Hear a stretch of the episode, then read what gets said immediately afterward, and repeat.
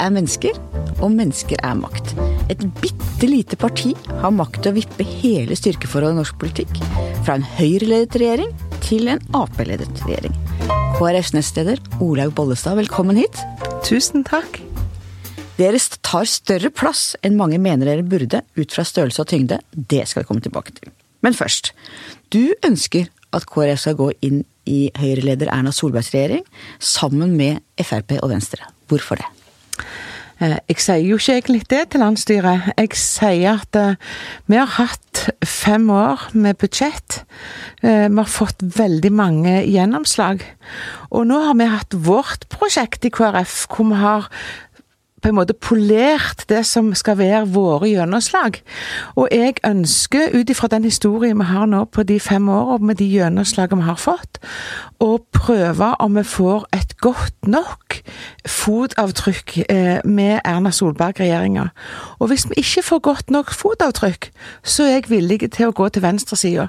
Men jeg vil prøve først på høyresida, fordi vi har den erfaringen vi har. Det er eh, mitt råd til landsstyret landsstyret. Så du står på et vis imellom eh, Kjell Ingolf eh, Ropstad, nestlederen, som vil til Høyre, og Hareide som vil til venstre. Du har på et vis en mellomposisjon. Du, du, kan leve veldig godt med begge deler? Jeg kan leve med begge deler. Eh, hvis vi har prøvd først til, til, til høyresida, ut ifra at jeg mener vi har veldig mye til felles eh, med høyresida. Det at jeg tror veldig på et lokalsamfunn som vokser nedenfra. Jeg tror på små fellesskap. Jeg tror på eh, nære naboer. Jeg tror på gründerskap eh, som vokser nedenfra i kommunene. Og det har vi til felles med høyresida.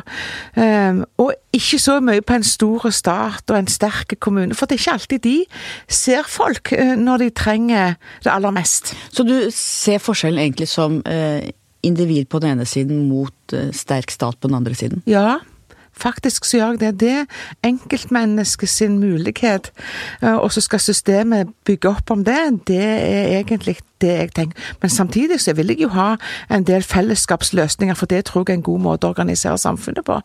Og Derfor så tenker jeg at for meg, og ut fra mitt kristne ståsted, så, så tenker jeg at eh, jeg har større gjerne mer å hente på den sida. Jeg vet ikke, men jeg prøver. Men eh, hvordan ser du på Frp og det å skulle styre sammen med Fremskrittspartiet? Klart, det syns jeg er Vi har veldig mange utfordringer. Jeg har jo sagt noen ganger at jeg føler jeg svelger ting med hud og hår. Men når jeg tenker, så tenker jeg jeg er ganske, pragmatisk. Så jeg tenker KrF, Venstre og Høyre blir jo samla sett eh, store, og kan på den måten være med å styre at ikke Frp skal ha den makten eh, så store som jeg føler han har i dag. Eh, det må vi jo prøve ut ut ifra vårt politiske prosjekt og vårt gjennomslag. For, Hareide har jo lagt stor vekt på Frp og hvordan de har behandlet KrF. Altså han, har kalt, eh, folk har kalt eh, Hareide for uh, imamsleiker. Sleiker imamer opp på ryggen. Støtter IS-terrorister, mangler ryggrad. Det er ikke så lett å havne i senga med sånne folk? Nei, det ligger jo ingenting, for å si det rett ut, å beskrive politiske ko kollegaer selv om vi er uenige. jeg kan tåle veldig mye hard diskusjon, men oppføre oss, det bør vi. og bruke retorikk som faktisk ikke tråkker ned folk, som jeg opplever det gjør, det har jeg overhodet ingen sans for. Eh, mange hadde trodd at du ville velge Arbeiderpartiet. Eh, hvor viktig var debatten om reservasjonsretten, altså legers rett til å henvise kvinner til abort, for ditt valg? Der var jo Arbeiderpartiet og KrF veldig på kollisjonskurs. De gjorde til en abortdebatt. Dere mente det handlet om samvittighetsfrihet. Hvor ødeleggende var det som skjedde den gangen for ditt forhold til Arbeiderpartiet? Eh, det var jo òg en ganske hard eh, retorikk den gangen. Eh, og for meg så, så var dette et genuint ønske, og det er òg en av de grunnene for at jeg falt ned på høyresida, er jo mindretallet sin rett til å hevde ting i et stort fellesskap er en viktig verdi for meg. Um, og samvittighetsfrihet er en sånn en verdi som jeg mener er så sentrale i et demokrati, hvor det er rom for å mene noe som ikke alle andre mener. Og at den ytringen når det gjelder liv-død-spørsmål, den samvittighetsfriheten, så lenge vi klarer å ivareta kvinnenes rett, er så viktig for meg at eh, det er klart det var en hard debatt, og, og jeg var overgitt over. Um, det massive trøkket som ble dette på en helt annen sak. For det var ikke abortloven som var diskusjon overhodet. Det var muligheten for å ha en samvittighetsfri, og det mener jeg er en så djuptgripende verdi i et demokrati at det gjorde noe med meg i forhold til det store meningstoget som på en måte kom, og som tok enkeltmennesker ned med hud og hår. Ditt forhold til SV, står de like langt fra deg som Fremskrittspartiet gjør? Um, det som jeg syns er noe av den store utfordringen Vi har veldig mye til felles med SV. Eh, mange ting som vi har stemt sammen om, om ivaretakelse av eh, personer med funksjonsnedsettelse, av verdier med fordelingspolitikk, av eh, asylbarna f.eks. Veldig mye har vi felles. Men i det politiske prosjektet vi har hatt, så har jo òg eh, vår kristne kulturarv betydd mye. Det har vært punkt én, på en måte. Hvordan det skal prege samfunnet, trosfriheten. Eh, at vi ikke er et helt livsnøytralt samfunn, for vi har en arv med oss i tusen år. Mens SV er opptatt av et livssynsnøytralt samfunn. De er ikke opptatt av Én eh, eh, ting er KRLE-faget, eh, skolegudstjenester og påskevandring og alt dette, men òg den verdien som kristendommen har hatt i vårt samfunn. At det har en særstilling. Der er jeg djupt uenig med, med SV. Ser du, det, ser du SV som det mest sekulariserte partiet? Nei, men det er nok eh, det, er nok det både det, men den sida har jo òg Venstre med seg, eksempel. Så, så, så det, den er jo egentlig på begge sider av streken, eh, tenker jeg.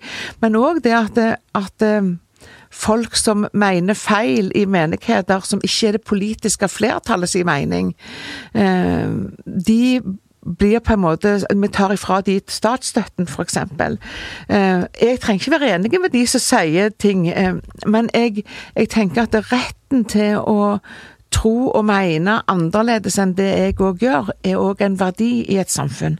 Og Derfor så står jeg òg her opp for den muligheten, selv om jeg kan være uenig med dem. Og det er den biten jeg, er, syns er ganske krevende i, i sammen med, med, SV. Og så har vi jo òg Vi ser jo òg De er jo det partiet som i, sine, i sitt program òg har utvida retten til selvbestemt abort enda lenger enn tolv uker. Så, og, og, og, og det er SV SV som sådan, og så har SU òg eh, utfordra enda lenger. Mm. Hvordan vil du beskrive KrFs kjerneverdier? Eh, jeg står jo for det Altså, vi er jo et sentrumsparti som, som tar noen av de gode tingene fra venstresida, og noen av de gode tingene fra høyresida. Derfor så kaller jeg ofte det for den gule stripa på veien, og der det er gule striper på veien, der er det trygt å kjøre, som regel. Eh, og jeg mener at, at uh, vår vår sentrale politikk, det er jo eh, både et samfunn bygd på kristne verdier, men òg et samfunn som er bygd nedenfra.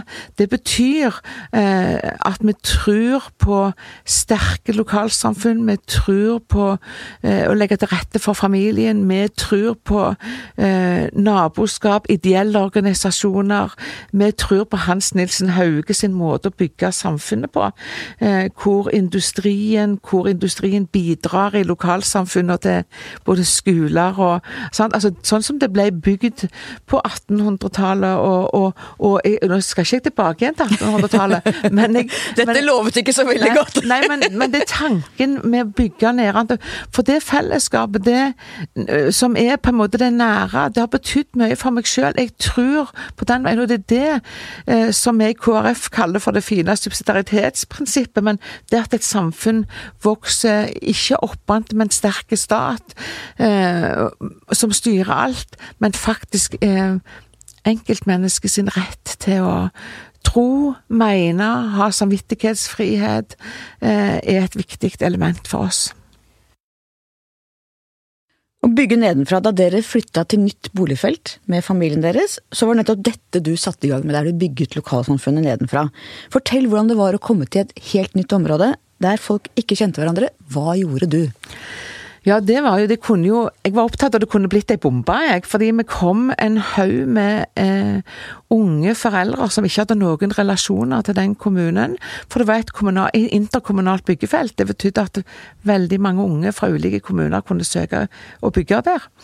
Eh, og jeg tenkte her må vi gjøre noe, så jeg gikk ned på, på det, eh, det bedehuset som, som, hørte til på Ålgård, og så sa jeg at jeg har nok penger, jeg har et hus og kjeller, og så har jeg en mann med ti tommeltotter, altså, og jeg har til og med materialen. Eh, kan noen hjelpe meg å innrede ei kjellerstue? Og, og badet hadde vi lagd til, for jeg ville gjerne lage til ei barnegruppe i feltet, og ei mor-barn-gruppe i feltet, for vi hadde veldig mange unger på samme alder. Og det gjorde jo at alle på byggefeltet hadde sånne ullengler i adventstid, og alle i byggefeltet hadde donisser i vinduet, og, altså sånn dorullnisser i vinduet. Eh, og eh, vi klarte å få til et fellesskap som gjorde at når eh, Norge vant over Brasil i fotball, så, så gikk jeg bort og ringte på døra til Eirin Sundt og tok vekk ungene våre, og vi hadde flagg og miljø oppe på feltet. Sankthans ble ei sånn ei òg sak, hvor vi hadde masse leker og grill og masse bål sammen, fordi jeg tror på den måten å bygge på. Og så ble mannen din syk. Det var alvorlig. Hva skjedde med han? Ja, det var i, i 2000, da. Jeg husker veldig godt det. Det var 17. april. Det var palmemandag, så jeg sier dagen etter palmesøndag. Så ringte han til meg og så sa han jeg har gyselig vondt i hodet, kan du hente meg i barnehagen? Og jeg hadde ungene hjemme, jeg hadde da fire unger. Og Så kjører jeg ned i barnehagen, og så når jeg ser han komme ut For han jobba i barnehage? Ja, han er styrer, ja, han jobber i barnehage. så Han er styrer i en stor barnehage. Så når han kom ut, så så jeg han gikk litt mot ene sida, og så var han pinnstiv i ryggen, sånn helt beinet. Og da eh, var mitt syn i hodet det at jeg tenkte han har en helt spesiell eh, hjerneblødning som er mellom hinnene ute på hjernen. Akkurat på samme plassen som har hjernehinnebetennelse. For du er sykepleier, ikke sant? Ja. Og kan mye om dette? Ja, jeg er intensivsykepleier, jobba i akuttmottak i mange, mange år. Så eh, jeg bare festa den i bilen. Da var klokka tre, så jeg visste legekontoret på Ålgård var stengt. Så jeg kjørte med nødlys og ungene bak i bilen inn til Stavanger og kjørte opp på, på um, døren inn til akuttmottak som jeg selv var leder i, og sprang inn og sa at nå, nå må dere hjelpe meg, for jeg tror Jan Frode har denne type blødning. Eh, og så kom de ut og kjørte han inn på et rom, og så kom den første legen, og så sa han jeg tror ikke det er det, for han er så vågen. Og så sprang jeg rett til å hente en ny kollega og sa nå må du hjelpe meg. Jeg har hjulpet deg mange ganger med prosjekter, Heidi, nå må du hjelpe meg. Og så gikk hun først ut for å skulle gjøre en annen ting med å hjelpe en kollega som hadde fått føling, og så kom hun tilbake igjen. Og så gikk de på CT med mannen min, altså sånn røntgen av hodet. Når hun kom grinende tilbake igjen, så, så skjønte de hvor alvorlig det var. Uh, og visste jo da at vi måtte fyke til Bergen. Jeg visste at jeg måtte få noen til å ta vare på ungene. Og jeg visste at 75% kan dø momentant. At 20 overlever, men blir ødelagt i hodene sine. Og 5% blir normale etterpå, stort sett. Så jeg visste jo dette var kjempealvorlig, og så føyk vi til Bergen. Og så vi kom til Bergen, så var CT-maskinen ødelagt. Hadde vi visst det før, så hadde vi føket til Oslo. Så den natta var helt grusom. Jeg husker eh, trykk i hodet steig, og, jeg, og Frode og jeg tenkte at nå blir han ødelagt i hjernen, sant vel, at han, eh, han får ikke oksygen. Så jeg, eh, jeg krangla meg til og sa får dere hente en doktor på flekken, og som stikker Jan Frode i ryggen sånn at han får avlastning i spinal, der som vi òg tar, altså, tar ryggmargsprøve. Eh, så sa de til meg ja, men dette er jo farlig, Ole. Jeg vet det, sa jeg, men hvis ikke dere gjør det, så gjør jeg det. Og så eh, Jeg har egentlig ikke utdanning til det, men jeg har vært med så mange ganger, og så får dere heller sette meg inn etterpå, hvis jeg kan redde livet hans. Så gjorde den doktoren det. Eh, og så eh, husker jeg at jeg, jeg, snakket inn i det ene øret hans, han hørte meg, men han hørte ingen av de andre. Han var så langt vekke. Og morgenen etterpå så, så kjørte de han på operasjonssalen klokka åtte. Og da hadde legene sagt til meg at det, det er 50 sjanse for å overleve, 50% sjanse for at dette ikke går. Eh, og jeg satt helt alene på rommet og venta fra åtte om morgenen til ti om kvelden. Og hver gang det ringte en telefon, så hoppet jeg en halvmeter fra stolen. Eh, men da var det ene gangen var det en kollega i Stavanger som ringte og spurte hvordan det gikk, og så var det sykehuspresten i Stavanger som ringte. Men det å sitte alene på et rom, Hanne, det var grusomt. Eh, og det har jeg lært mye av etterpå. Kom noen og snakka med deg? Kom noen og trøsta deg? Jeg fikk ikke en kopp kaffe engang. Eh, og det, det var påske, og det var veldig mange vikarer. Men etter det så lærte jeg at en pasient har alltid noen pårørende. Og det har blitt så viktig for meg å ivareta dem. For én ting var meg som var voksen, men jeg hadde jo òg ansvar for fire unger hjemme. Visste de hva som hadde skjedd? De visste at faren var veldig, veldig syk. Um, og jeg var opptatt av at de måtte ha noen hjemme som var i stand til å ta et budskap hvis jeg ringte og sa at pappa er død. Det var så viktig for meg å ivareta at det skulle det var, skulle være noen der som ikke snakket det vekk, eller gjorde det enklere enn det det var. Jeg hadde mye å tenke på. Ja, forferdelig. Og så husker jeg ennå Eh, dagene etterpå, for det var mange tunge dager etterpå. Eh, og det er vanskelig å ha mye kunnskap i hodet sitt, og så se når ting gjerne ikke blir gjort sånn som du skulle gjøre. Så jeg var jo på apoteket noen ganger og kjøpte noe Paracet, for de ikke ga det når de skulle, og alt dette her. Eh, fordi jeg vet at hodet trenger oksygen, og hodet trenger ikke høy feber. Masse sånne ting. Og i ettertid har du jo blitt fortalt at du reddet livet til mannen din. Ja, jeg har fått fortalt det, og det er klart at det, eh, det skal jo ikke være sånn at eh, i et samfunn at eh, du mest må være spesialsykepleier. Så det er klart at jeg kunne blitt ganske sint, men jeg ble bare så lei meg, sant, og tenker at det skal ikke være sånn at vi må, må passe på oss sjøl, og er derfor veldig opptatt av kvalitet, opptatt av at folk skal ivareta pårørende. Eh, men nå ble det jo sånn at mannen min ble jo helt frisk. Eller sønnen min tuller litt med dette og sier mamma, de har jo skrudd et par skruer litt for fast. For at eh, han liker jo plutselig fotball, og det gjorde han ikke før. Men det er klart det var mye hjemme. Eh, vi skulle ivareta ungene, vi skulle ivareta huset. Det var 17. mai. En av ungene hadde brukket armen og skulle på kontroller og tannreguleringskontroller. Og alt dette skulle òg fylles opp midt oppi at de skulle passe på at de hadde noen der som kunne ivareta dem. Og den gangen kjente du kraften i et sterkt lokalsamfunn. Gode naboer. Ja, vet du hva, jeg glemmer aldri det. Noen Plutselig, når jeg kom hjem 16. mai, så husker jeg jeg hadde strøket skjortene, og noen hadde kløpt hekken, og karavellen vår var, sto på halv åtte ute, og noen skifta dekk og noen hadde klipt plenen og luka og sånn. Og så husker jeg jeg satt i stolen og kikket ut vinduet 16. mai. Da jeg griner mest når jeg tenker på det, for da, da lå det naboer på alle fire planter i, i blomsterporten, og alle vet, som går forbi mitt, forbi mitt hus, at det er jeg veldig opptatt av. At jeg, jeg er glad i blomster, og da tenkte jeg jeg har et lokalsamfunn som bryr seg om meg, og som bryr seg om ungene våre, og som vil stille opp når livet er litt spesielt. Og det, det sitter så djupt i meg. Og når da banken i tillegg ringte og sa vet du hva, vi trekker vi trekker ikke lånet, vi trekker bare renta, for vi skjønner at dere har mye akkurat nå. Så tenker jeg et sånn nærhet i et fellesskap, det betyr utrolig mye for meg. Og det var etter disse opplevelsene at du ble politisk aktiv etter hvert. Først så ble du veldig aktiv pårørende. Du fikk ikke lov til å gå inn i debatten om akuttkirurgi som fagperson. Da fikk du beskjed om at det var ikke din business. Så hva gjorde du da?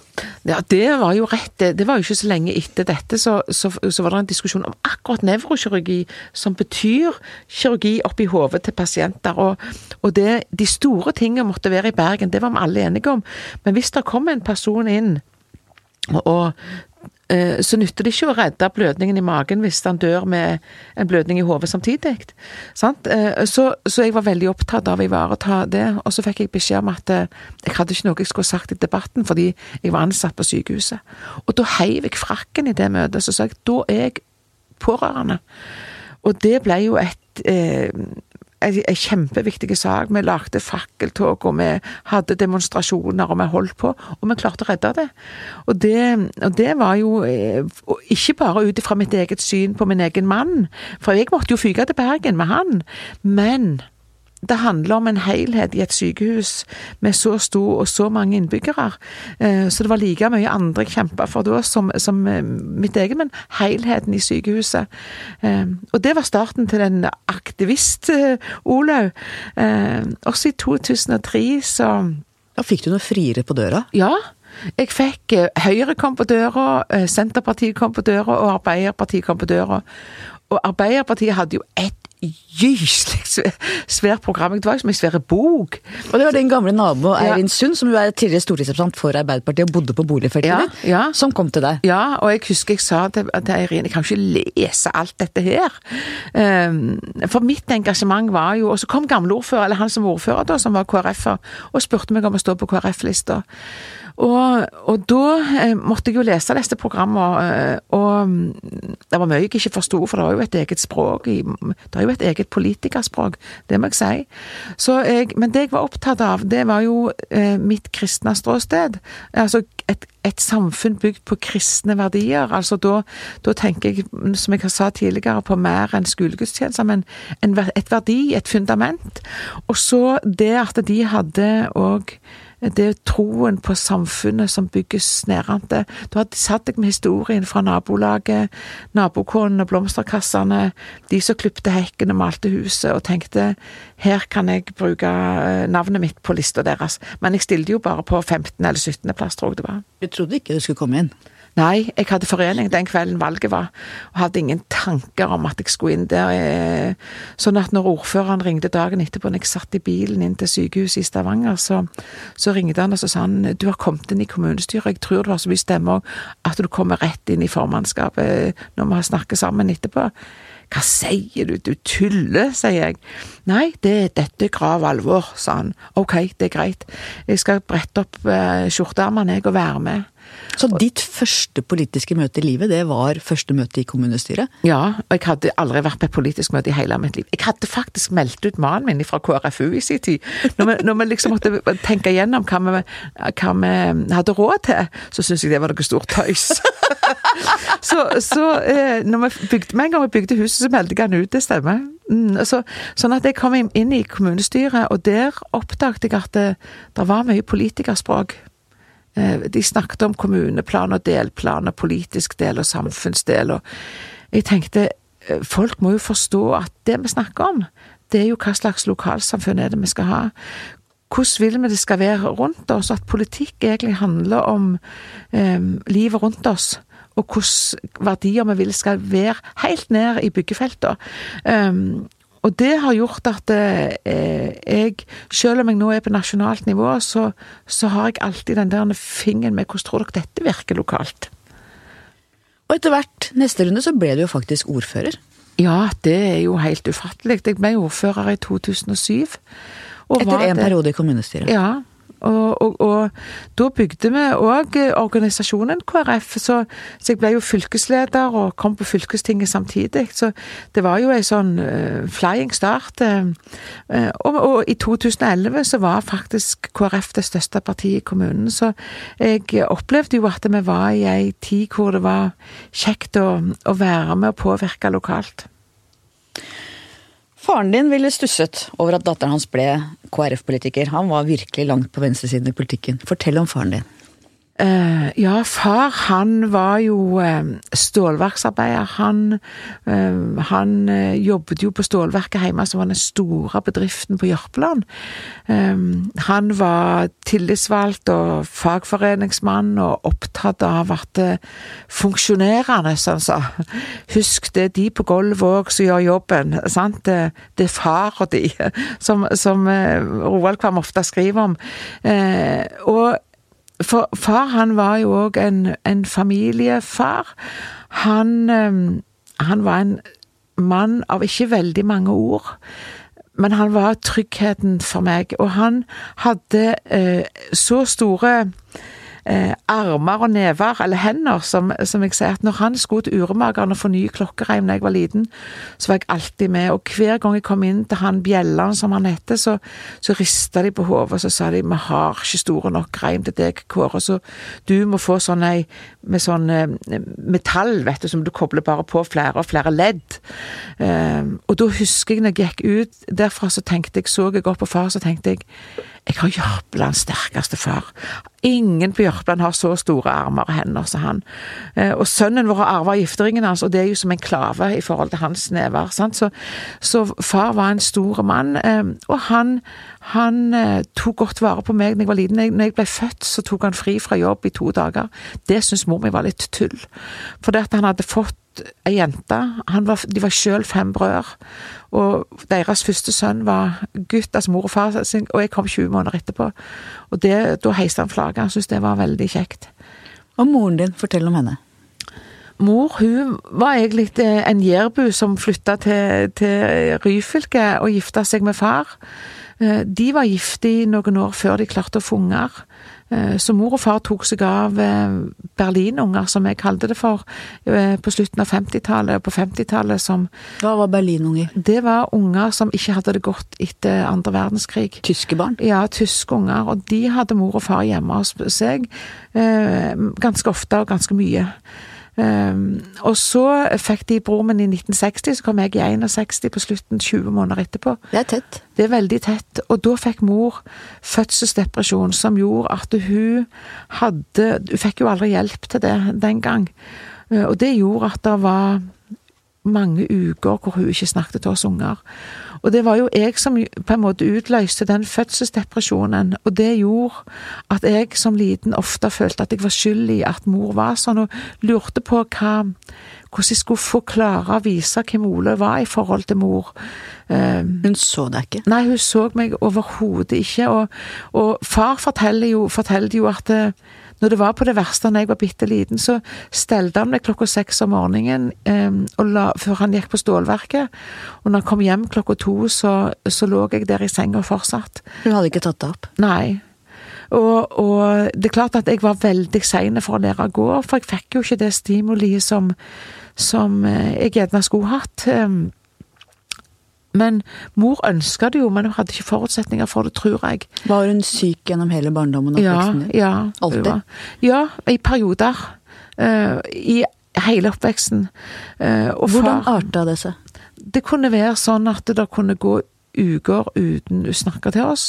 Hun kasta veldig mye opp.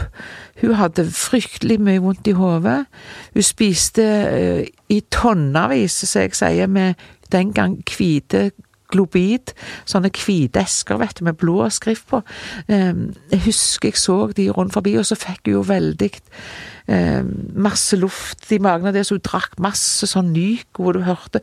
Så, så for meg som liten, så, så stussa jeg jo på alt dette, men når hun hadde gode perioder, da bakte hun lefser, kokte gome, tok de opp i korja på sykkelen og sykla rundt til folk på Jørpeland som trengte det. Så det var todelt.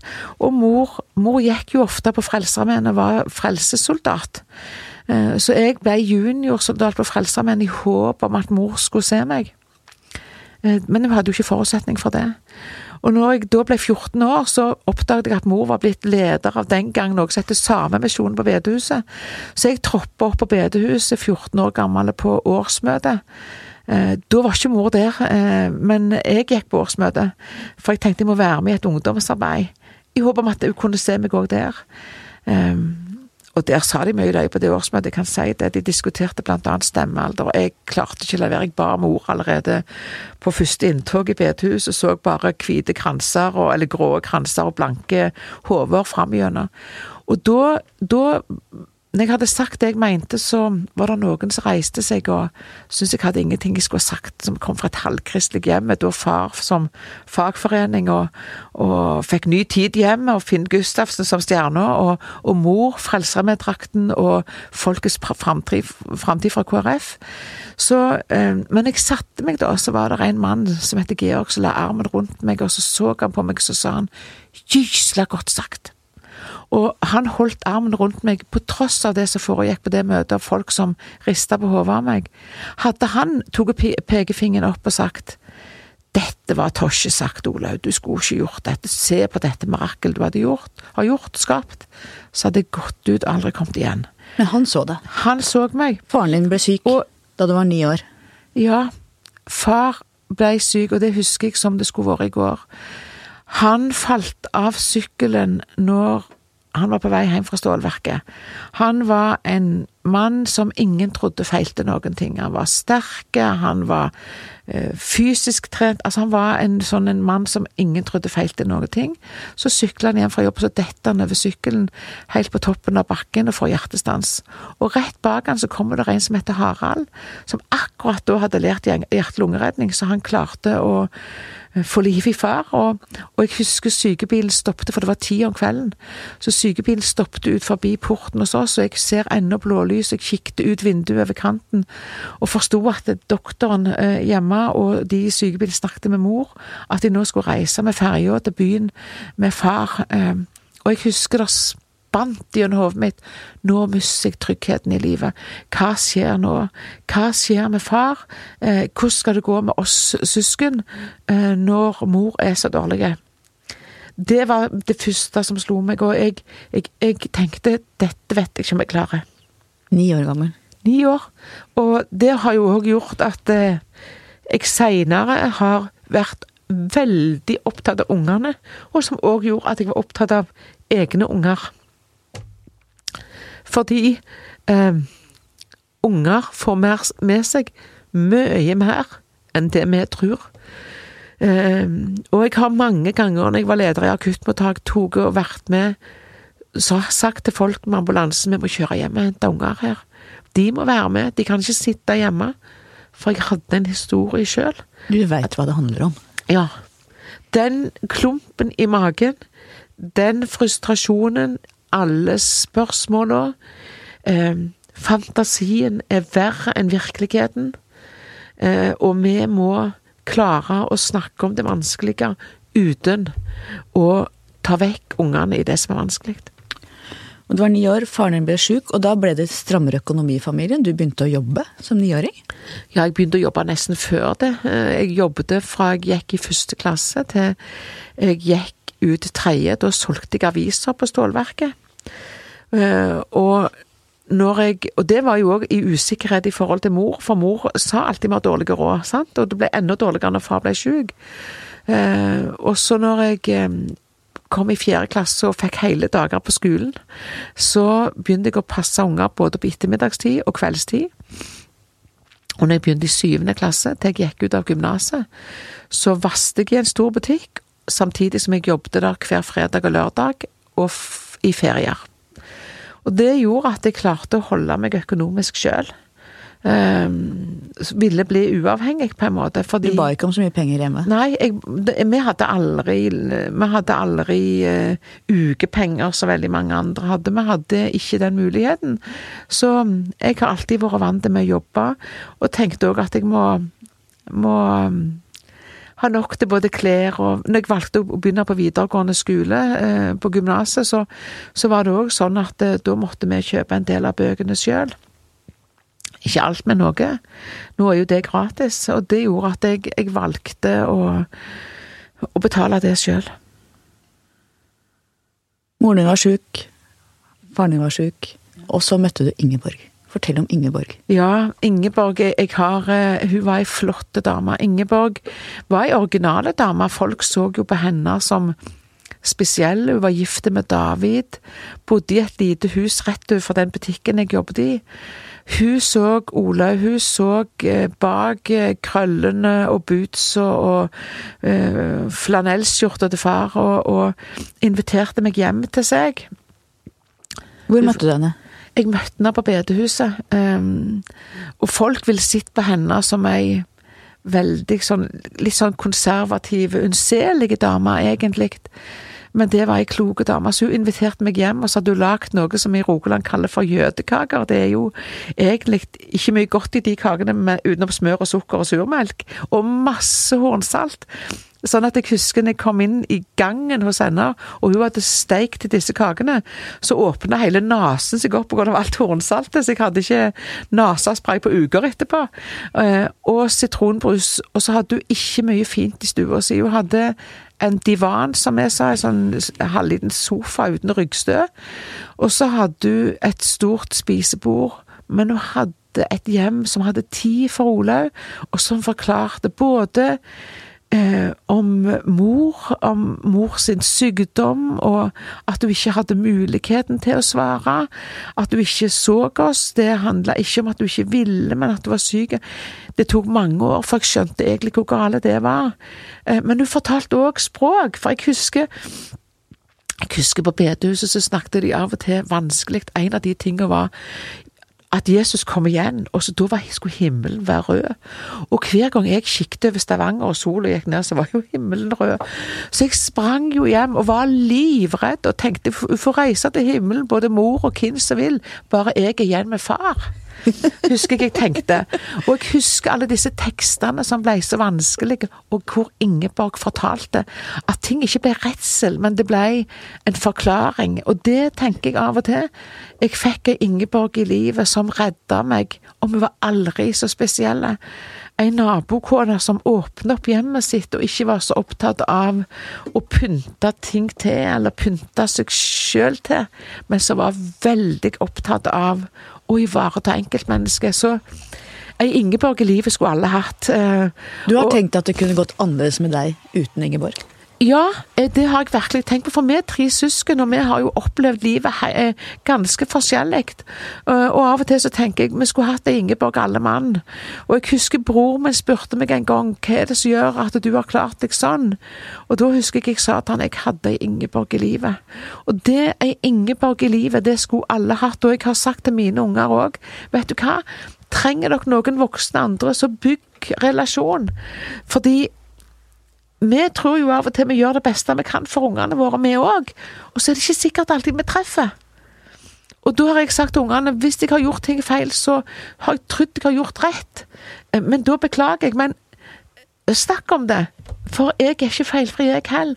Og jeg tror jo på den måten å hjelpe hverandre på. Og hva har du tatt med deg Ingeborg videre i ditt eget liv? Eh, jeg har tatt med meg det at eh, jeg ønsker å ha plass for eh, flere.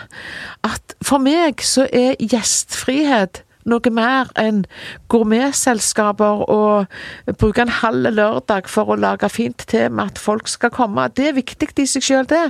Men for meg så handler det å være gjestfri eller raus om å romme andre i livet mitt enn bare mine egne romme andre folk, andre unger, andre ungdommer.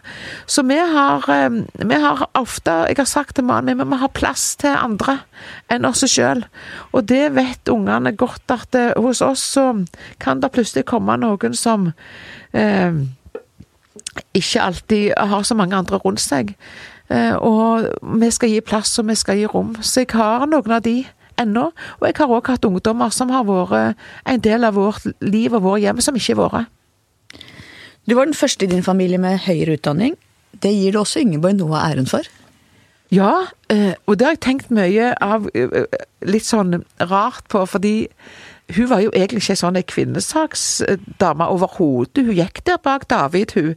Men, men hun var veldig opptatt av Olaug, bygg deg sjøl. Bygg eh, det du kan tenke deg. Gjør dine egne valg. Du klarer å ta en utdanning, sant. Og jeg husker når jeg reiste til Oslo første gangen, så husker jeg hun sendte jo med meg mange løgnebøker, og en av de var jo ei, ei stor sånn ei andagsbok. Jeg tror ikke jeg forstår alt som står i der ennå engang, sant. Men det var godt meint. Så vanner i boka, holdt jeg på å si. Bare, bare det er noe med tanken bak. Du, du merker jo fort eh, når folk vil deg vel, selv om de kan gjøre ting av og til litt sånn klønete. Og det tenker jeg Ingeborg viste meg, så hun har, eh, hun har, stått, hun har stått, med. Og etter fire års ungdomsarbeid ja. så begynte du å studere. Fortell hvordan du valgte hva du skulle gå inn i? Ja, det var jo eh, Far min mente jo hele veien at jeg måtte holde med sekretær. Eh, sekretær, det måtte jo være fint, og så burde jeg gifte meg og alt det der. Og det mente jo mor òg, vi er gode nok folk for det om ikke har utdanning. Eh, så jeg søkte jo sekretærskolen for å liksom tilfredsstille far litt, da. Og så søkte jeg på masse andre ting òg. Sykepleie, legestudielærer og ulike typer lærere og, og barneverns på hele, hele bunchen. Og så kom jeg jo inn på alt, så jeg la det i en hatt. Og så trakk jeg. Og så ble jeg sykepleier. Og så, så husker jeg ennå hvor jeg traff mannen min. Var ikke gifte da, eller kjærester da, men jeg traff han der i byen, og så sa jeg, vet du hva, jeg skal begynne i sykepleien. Å ja, ja vel, sa han. «Eh, har du jobba med det? Nei, det har jeg ikke jobba med. Men det skal jeg begynne på. Og det har jeg aldri angra på. Og du tok videreutdanning som spesialsykepleier da du hadde fire små barn. Ja. Og da hadde du allerede tatt økonomi og administrasjon med tre unger. Ja. Du har hatt et ganske kraftig driv, da. Ja, eh, men meg og mannen er et godt team. Eh, jeg har på en måte aldri blitt stoppet av han i det. Og, det er klart at det er nok en indre driv i òg at eh, jeg tok et valg med å ta utdanning. Og da blir det òg en driv for meg til å forvalte det talentet jeg har fått. Og, og tenke at jeg kan bruke de anledningene jeg har. Så det har jeg gjort, og, og har blitt heia fram og har vært blitt leder i sykehus og fått eh, personal som har um, vært opptatt av at, at, Ole, du ser oss, og det betyr at vi ønsker å gi noe igjen. Så jeg kjenner at um, jeg har fått mange muligheter, og jeg, eh, kunnskap det, det, er aldri dumt uansett, tenker jeg, og har brukt det talentet. Og har mange ganger tenkt hvis jeg ikke hadde vært intensivsykepleier, så er det ikke sikkert jeg hadde klart å gjort det jeg gjorde med mannen min heller. Så det er ikke sikkert det var et dumt valg allikevel. Og da du var leder for akuttmottaket på legevakten i Stavanger, så innførte du nye juletradisjoner. Fortell om ja, det. Ja, eh, innført, innført. Men jeg, jeg gjorde noe løye på, i akuttmottaket. Jeg det var ikke alle som syntes det var like greit, men, men av ledelsen alltid. Men jeg, med, jeg, hadde en avtale med ambulansesjåfører, så lille julaften så mm, var, vi, var de rundt i byen og henta inn alle de, eller veldig mange av de som de fant, da, som ikke hadde noe bosted, eller bodde på et lager, eller bodde. Og så eh, hadde jeg lagd et, til et godt bad. Eh, vi badet de, klipte hår og skjegg, og, og jeg hadde vært på Frelsesarmeen og fått klær og bestilt inn ekstra mat, eh, så de fikk god mat eh, på kvelden lille, julaften. Og det ble et sånn godt teamarbeid, så mange av de ambulanse, noen av de er døde nå, men mange av de ambulansefolka vi, vi, hadde jo veldig mye kjekk med dette. Og jeg husker enda en som, som lå der, han var veldig skjeden før han gikk opp i badekaret, og etterpå, han var nyklipt, så så han opp på meg, så sa han Var det du som klipte meg i fjor òg? Eh, ja, det var jeg som klipte deg i fjor òg. Så tenker jeg, det, det, er noe av mitt engasjement. Det er at et samfunn blir aldri sterkere enn at vi klarer å ivareta. Og jeg ble jo sjøl ivaretatt av Ingeborg, og, og, jeg tenker at det er mange måter å Det er tilfeldigheter på at jeg ikke havna der, eller at jeg ble at ikke jeg ble en del av en hissig ungdomsgjeng som, som eh, ble sinte på både at jeg hadde en barndom som var ganske krevende, til å ikke bli forstått eh, i språk, altså at Ingeborg var der og, for, og forklarte. Så um, jeg er veldig svak for uh, å tenke at uh, de som ofte er litt utenfor, har kanskje en grunn for at det er sånn.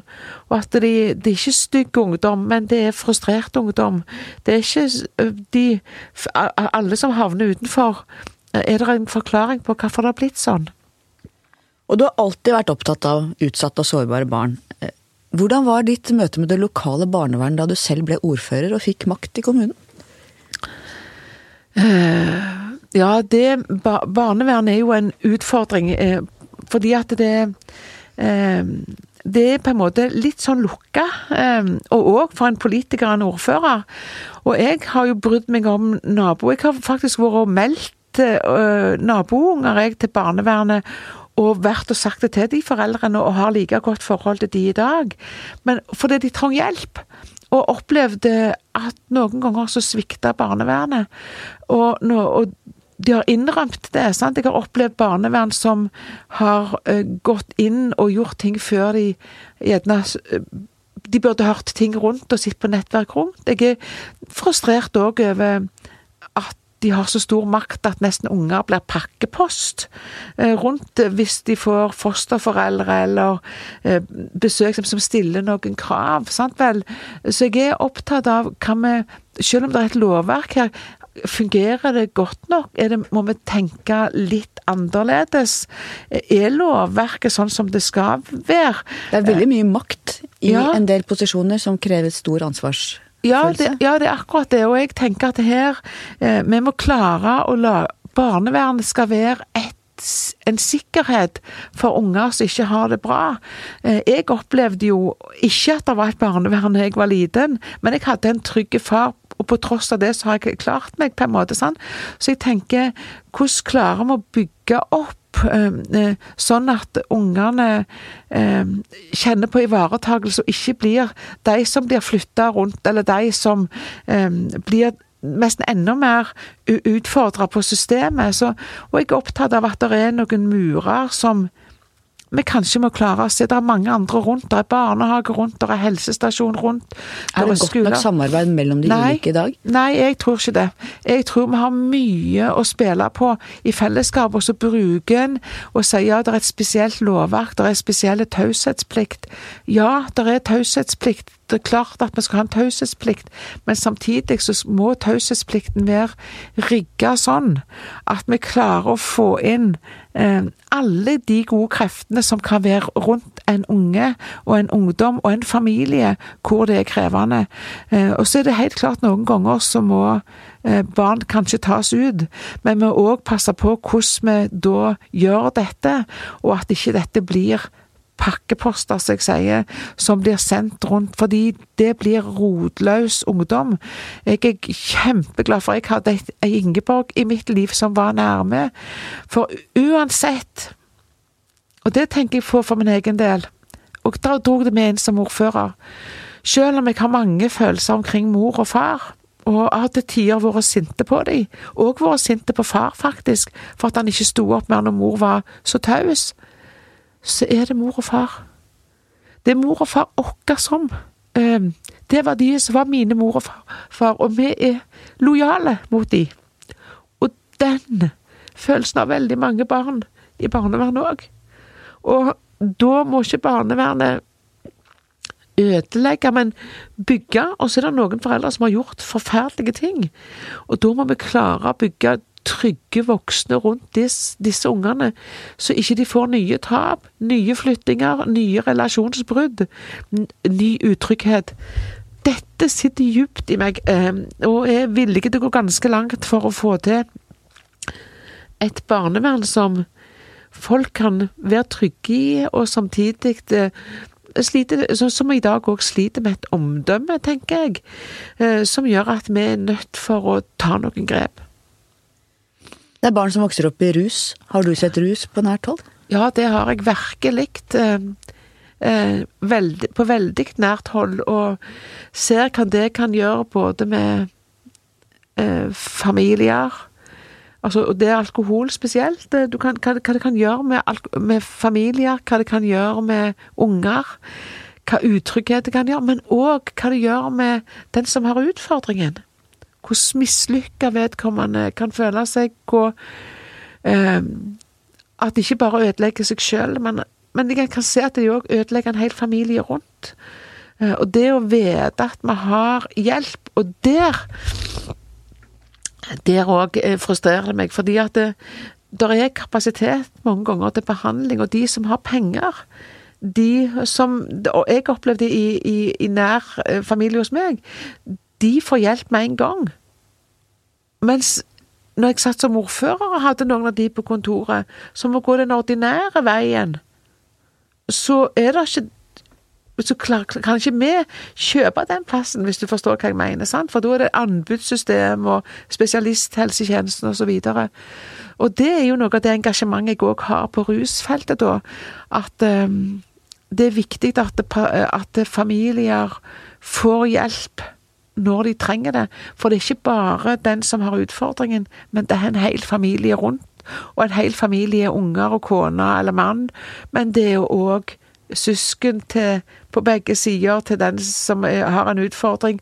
Det er besteforeldre. Det er en hel haug med folk som, eh, som er rundt den som har en utfordring. Og derfor så, så tenker jeg at eh, det arbeidet det er noe av det som òg trigger meg til å, å, få til et system som vi klarer å ivareta, for det er så ødeleggende. KrF er for en streng alkoholpolitikk. KrF regnes av mange som ganske fordømmende. Hva tenker du om hvordan KrF blir sett på utenfra opp mot partiets eget selvbilde og ditt eget bilde av partiet? Ja, Det er noe av det som jeg syns er det verste. fordi at det, vi blir ofte brukt som moraliserende pekefingerpartiet. Um, de som på en måte har monopol på sannheten, nesten. sant? Og, og, det er så langt fra det engasjementet jeg har sjøl, og det jeg føler partiet står for. Jeg ønsker ikke å være et pekefingerparti, jeg ønsker ikke å være en person som, som driver med pekefinger, jeg ønsker å være en, en Georg-arm, har han som armen rundt meg på bedehuset, eller, eller i Ingeborg. Um, et samfunn som på en måte bryr seg ifra bunnen av. Um, det er liksom hele min, min tanke. Så, så, når jeg får de spørsmålene eller den beskrivelsen av KrF, så blir jeg nesten litt lei meg. Og samtidig så får jeg mange ganger høre folk at det er jo litt spesielt at du er i KrF, for, for du er jo ikke sånn som alle KrF, andre KrF-ere. Og så tenker jeg ja, hvordan er en KrF-er, på en måte? Jeg er en KrF-er og, og, med min historie, og jeg er gjerne ikke den helt vanlige bedehusjenta. Er det egentlig plass til et moderne kristendemokratisk parti i Norge? Ja, det mener jeg så absolutt at det er. Uh, og jeg mener at um, det må vi klare å vise på en raus måte. At det faktisk er mulig. Uh, det viser jo at det har vært mulig i andre land, og jeg tenker det, det er det vi må jobbe for, og opp og fram. KrF ses jo gjerne som litt eh, naive, som vil godt, men ikke klarer å være brutale når det trengs? Jeg tror nok vi kan være brutale når, vi, når det trengs. Det, det, har jo det siste året vist at eh, vi, hvis vi først ment at nå er det nådd en strek, så kan vi, kan vi, det. Jeg tror vår, vår utfordring er jo òg å vise at ja, vi har en, en, politikk som er veldig opptatt av å ivareta mange av de gruppene som gjerne ikke har så mange som går i fakkeltog for dem. Eh, samtidig så har vi òg en politikk om et næringsliv, en haugiansk eh, tradisjon på næringsliv, på, eh, på eh, bedrifters tankegang på hva betydning det har i et lokalsamfunn. Sånn at det, det, er ikke sånn at vi egentlig bare skal bruke penger eller ta det sosiale hjertet. Vi har òg en annen politikk som er litt hard. Men det kommer ofte ikke fram. Men det er òg en side av KrF sin politikk som jeg mener og jeg kan stå godt for. Du kan lett se som litt sånn mor godhjerta, snill og god KrF-dame fra Vestlandet. Opplever du at du av og til blir undervurdert? Ja, jeg tror nok at folk har sett ei annen side av meg òg, hvis, hvis, jeg først setter foten ned. Så vet folk at jeg setter foten ned. Eh, og jeg kan gå lenge og langt med folk. Og jeg kan gå lenge og langt òg med partiet. Eh, jeg kan gå lenge og langt med ansatte for å få med eh, flest mulig. Men når beslutningen er tatt, da er den tatt.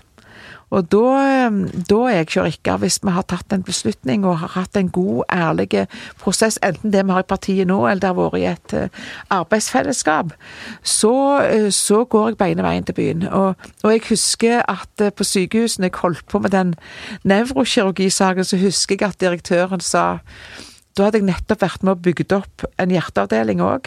Utfordra styret og holdt på sykehuset, og vi fikk det jo til til slutt. Um, og da husker jeg at de sa vi er veldig glad for at vi har deg, Ole, men vi er glad vi har bare én òg. og det er jo fordi at når jeg har bestemt meg for noe, så kan jeg gå langt. Uh, så jeg er ikke bare snill, snill og godhjerta. Jeg tror jeg har en annen side òg.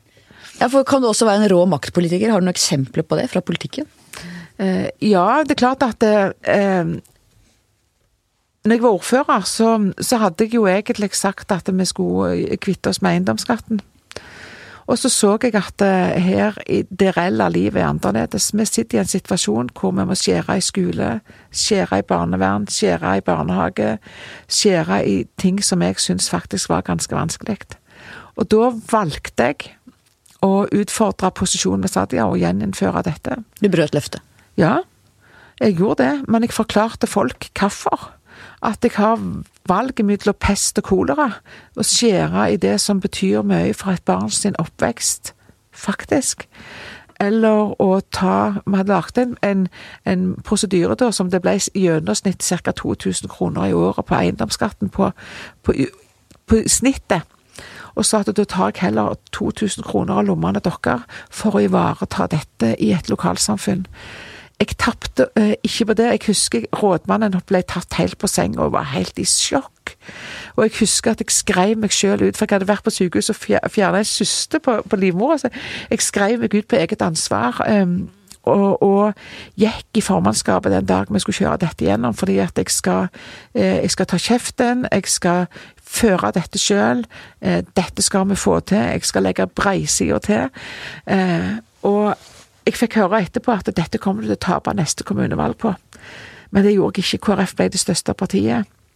Jeg fikk, nest, jeg fikk, mest personstemmer. Det betyr at folk skjønner at noen ganger så må vi faktisk ta et valg, og så må vi gå en vei eh, og ta en beslutning. Og der, det kan jeg gjøre, selv om jeg får mye kjeft, så kan jeg stå i det. Hvis jeg vet at jeg kan stå for det jeg gjør, og at jeg føler at det jeg har gjort, har vært en reale, en reale og ærlig diskusjon og kamp. Tilbake til mitt utgangsspørsmål. Nå står KrF midt i striden om veivalget videre. Er det ikke spesielt at dere, et lite parti som ligger rett rundt sperregrensen, og som tapte valget, skal bestemme hvem som skal styre i Norge? Jo, på et vis er det, men så er det demokratiet sitt, eh, sitt privilegium òg. Det er jo at det, eh, er noen store og noen små partier. Og så er vi havna akkurat i den posisjonen nå at vi sitter på vippen. Eh, og det er både godt og både vondt, for det, det krever oss for stort ansvar. Sant? Og da må vi jo legge noe ned i i et arbeid på hvorfor vi tar det veivalget. På samme måten som jeg gjorde når vi tok det med eiendomsskatten, som jeg sa. Eh, hvordan begrunner jeg det veivalget, og hvorfor sier jeg det jeg sier? Og så kan det virke veldig, eh, som far min alltid sa, pikksnodig, eh, men det er, det er det ansvaret som nå KrF må ta. For vi sitter på vippen mellom to blokker. Vi er egentlig i midten og er sentrumsparti, og så må vi ta et valg. Er du sikker på at dere kommer gjennom den prosessen dere står i nå, som et samlet parti? Det håper jeg inderlig at vi gjør. Hvis prosjektet vårt er det viktigste, og vi eh, klarer å ha en åpen og ærlig debatt, som jeg mener vi har gjort eh, nå, eh, så mener jeg at da har alle fått kommet til orde i det organisasjonsapparatet vi har. Og da er jeg opptatt av at uansett hvordan vi lander, så er det prosjektet som må være, må være, viktig for oss. Og jeg tror at det, det handler om hvordan vi som lederskap nå klarer å dra dette i havn. Ehm, så vil det helt sikkert bli noen som blir skuffa. Og det vil helt sikkert òg være noen, uansett hva valg vi tar, som vil ehm, skalle av. Men jeg håper inderlig at folk nå gjennom den prosessen som noen i media har kalt for et årslangt seminar, at det er det viktigste for folk. Det er det vi står samla om. Og så vil diskusjonen være hvem vi skal samarbeide med. Hva ser du som viktige norske verdier? Viktige norske verdier for meg er eh, mer enn ostehøvelen, som var en sånn debatt. For meg så handler det om et samfunn, som jeg har sagt noen ganger nå, som bygges ifra små samfunn.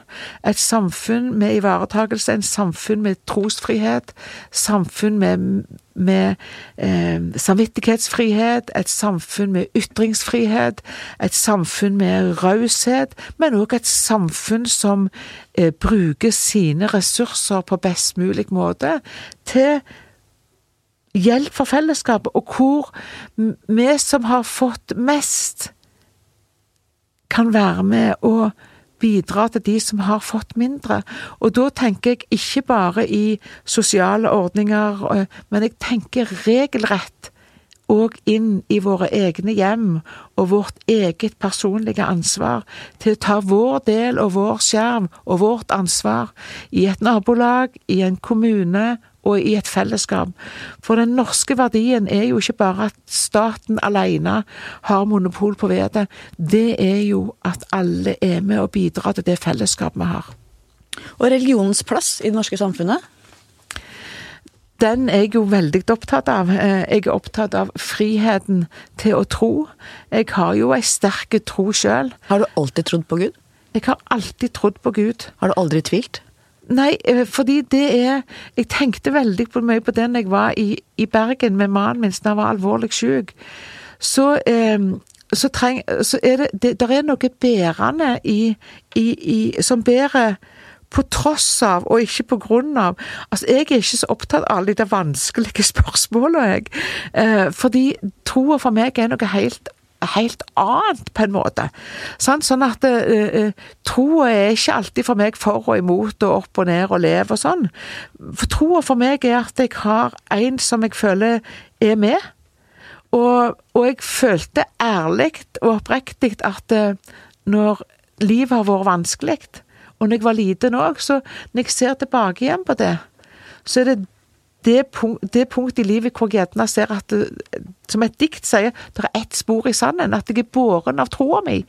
Så troa mi for meg er utrolig viktig. Og, et spor i sanden speiler på at i de vanskelige tingene sier Gud at det, var da jeg bar deg. Ja, ja. Når det var tøft. Ja, ja, og det, det, og det, kjenner jeg inderlig på.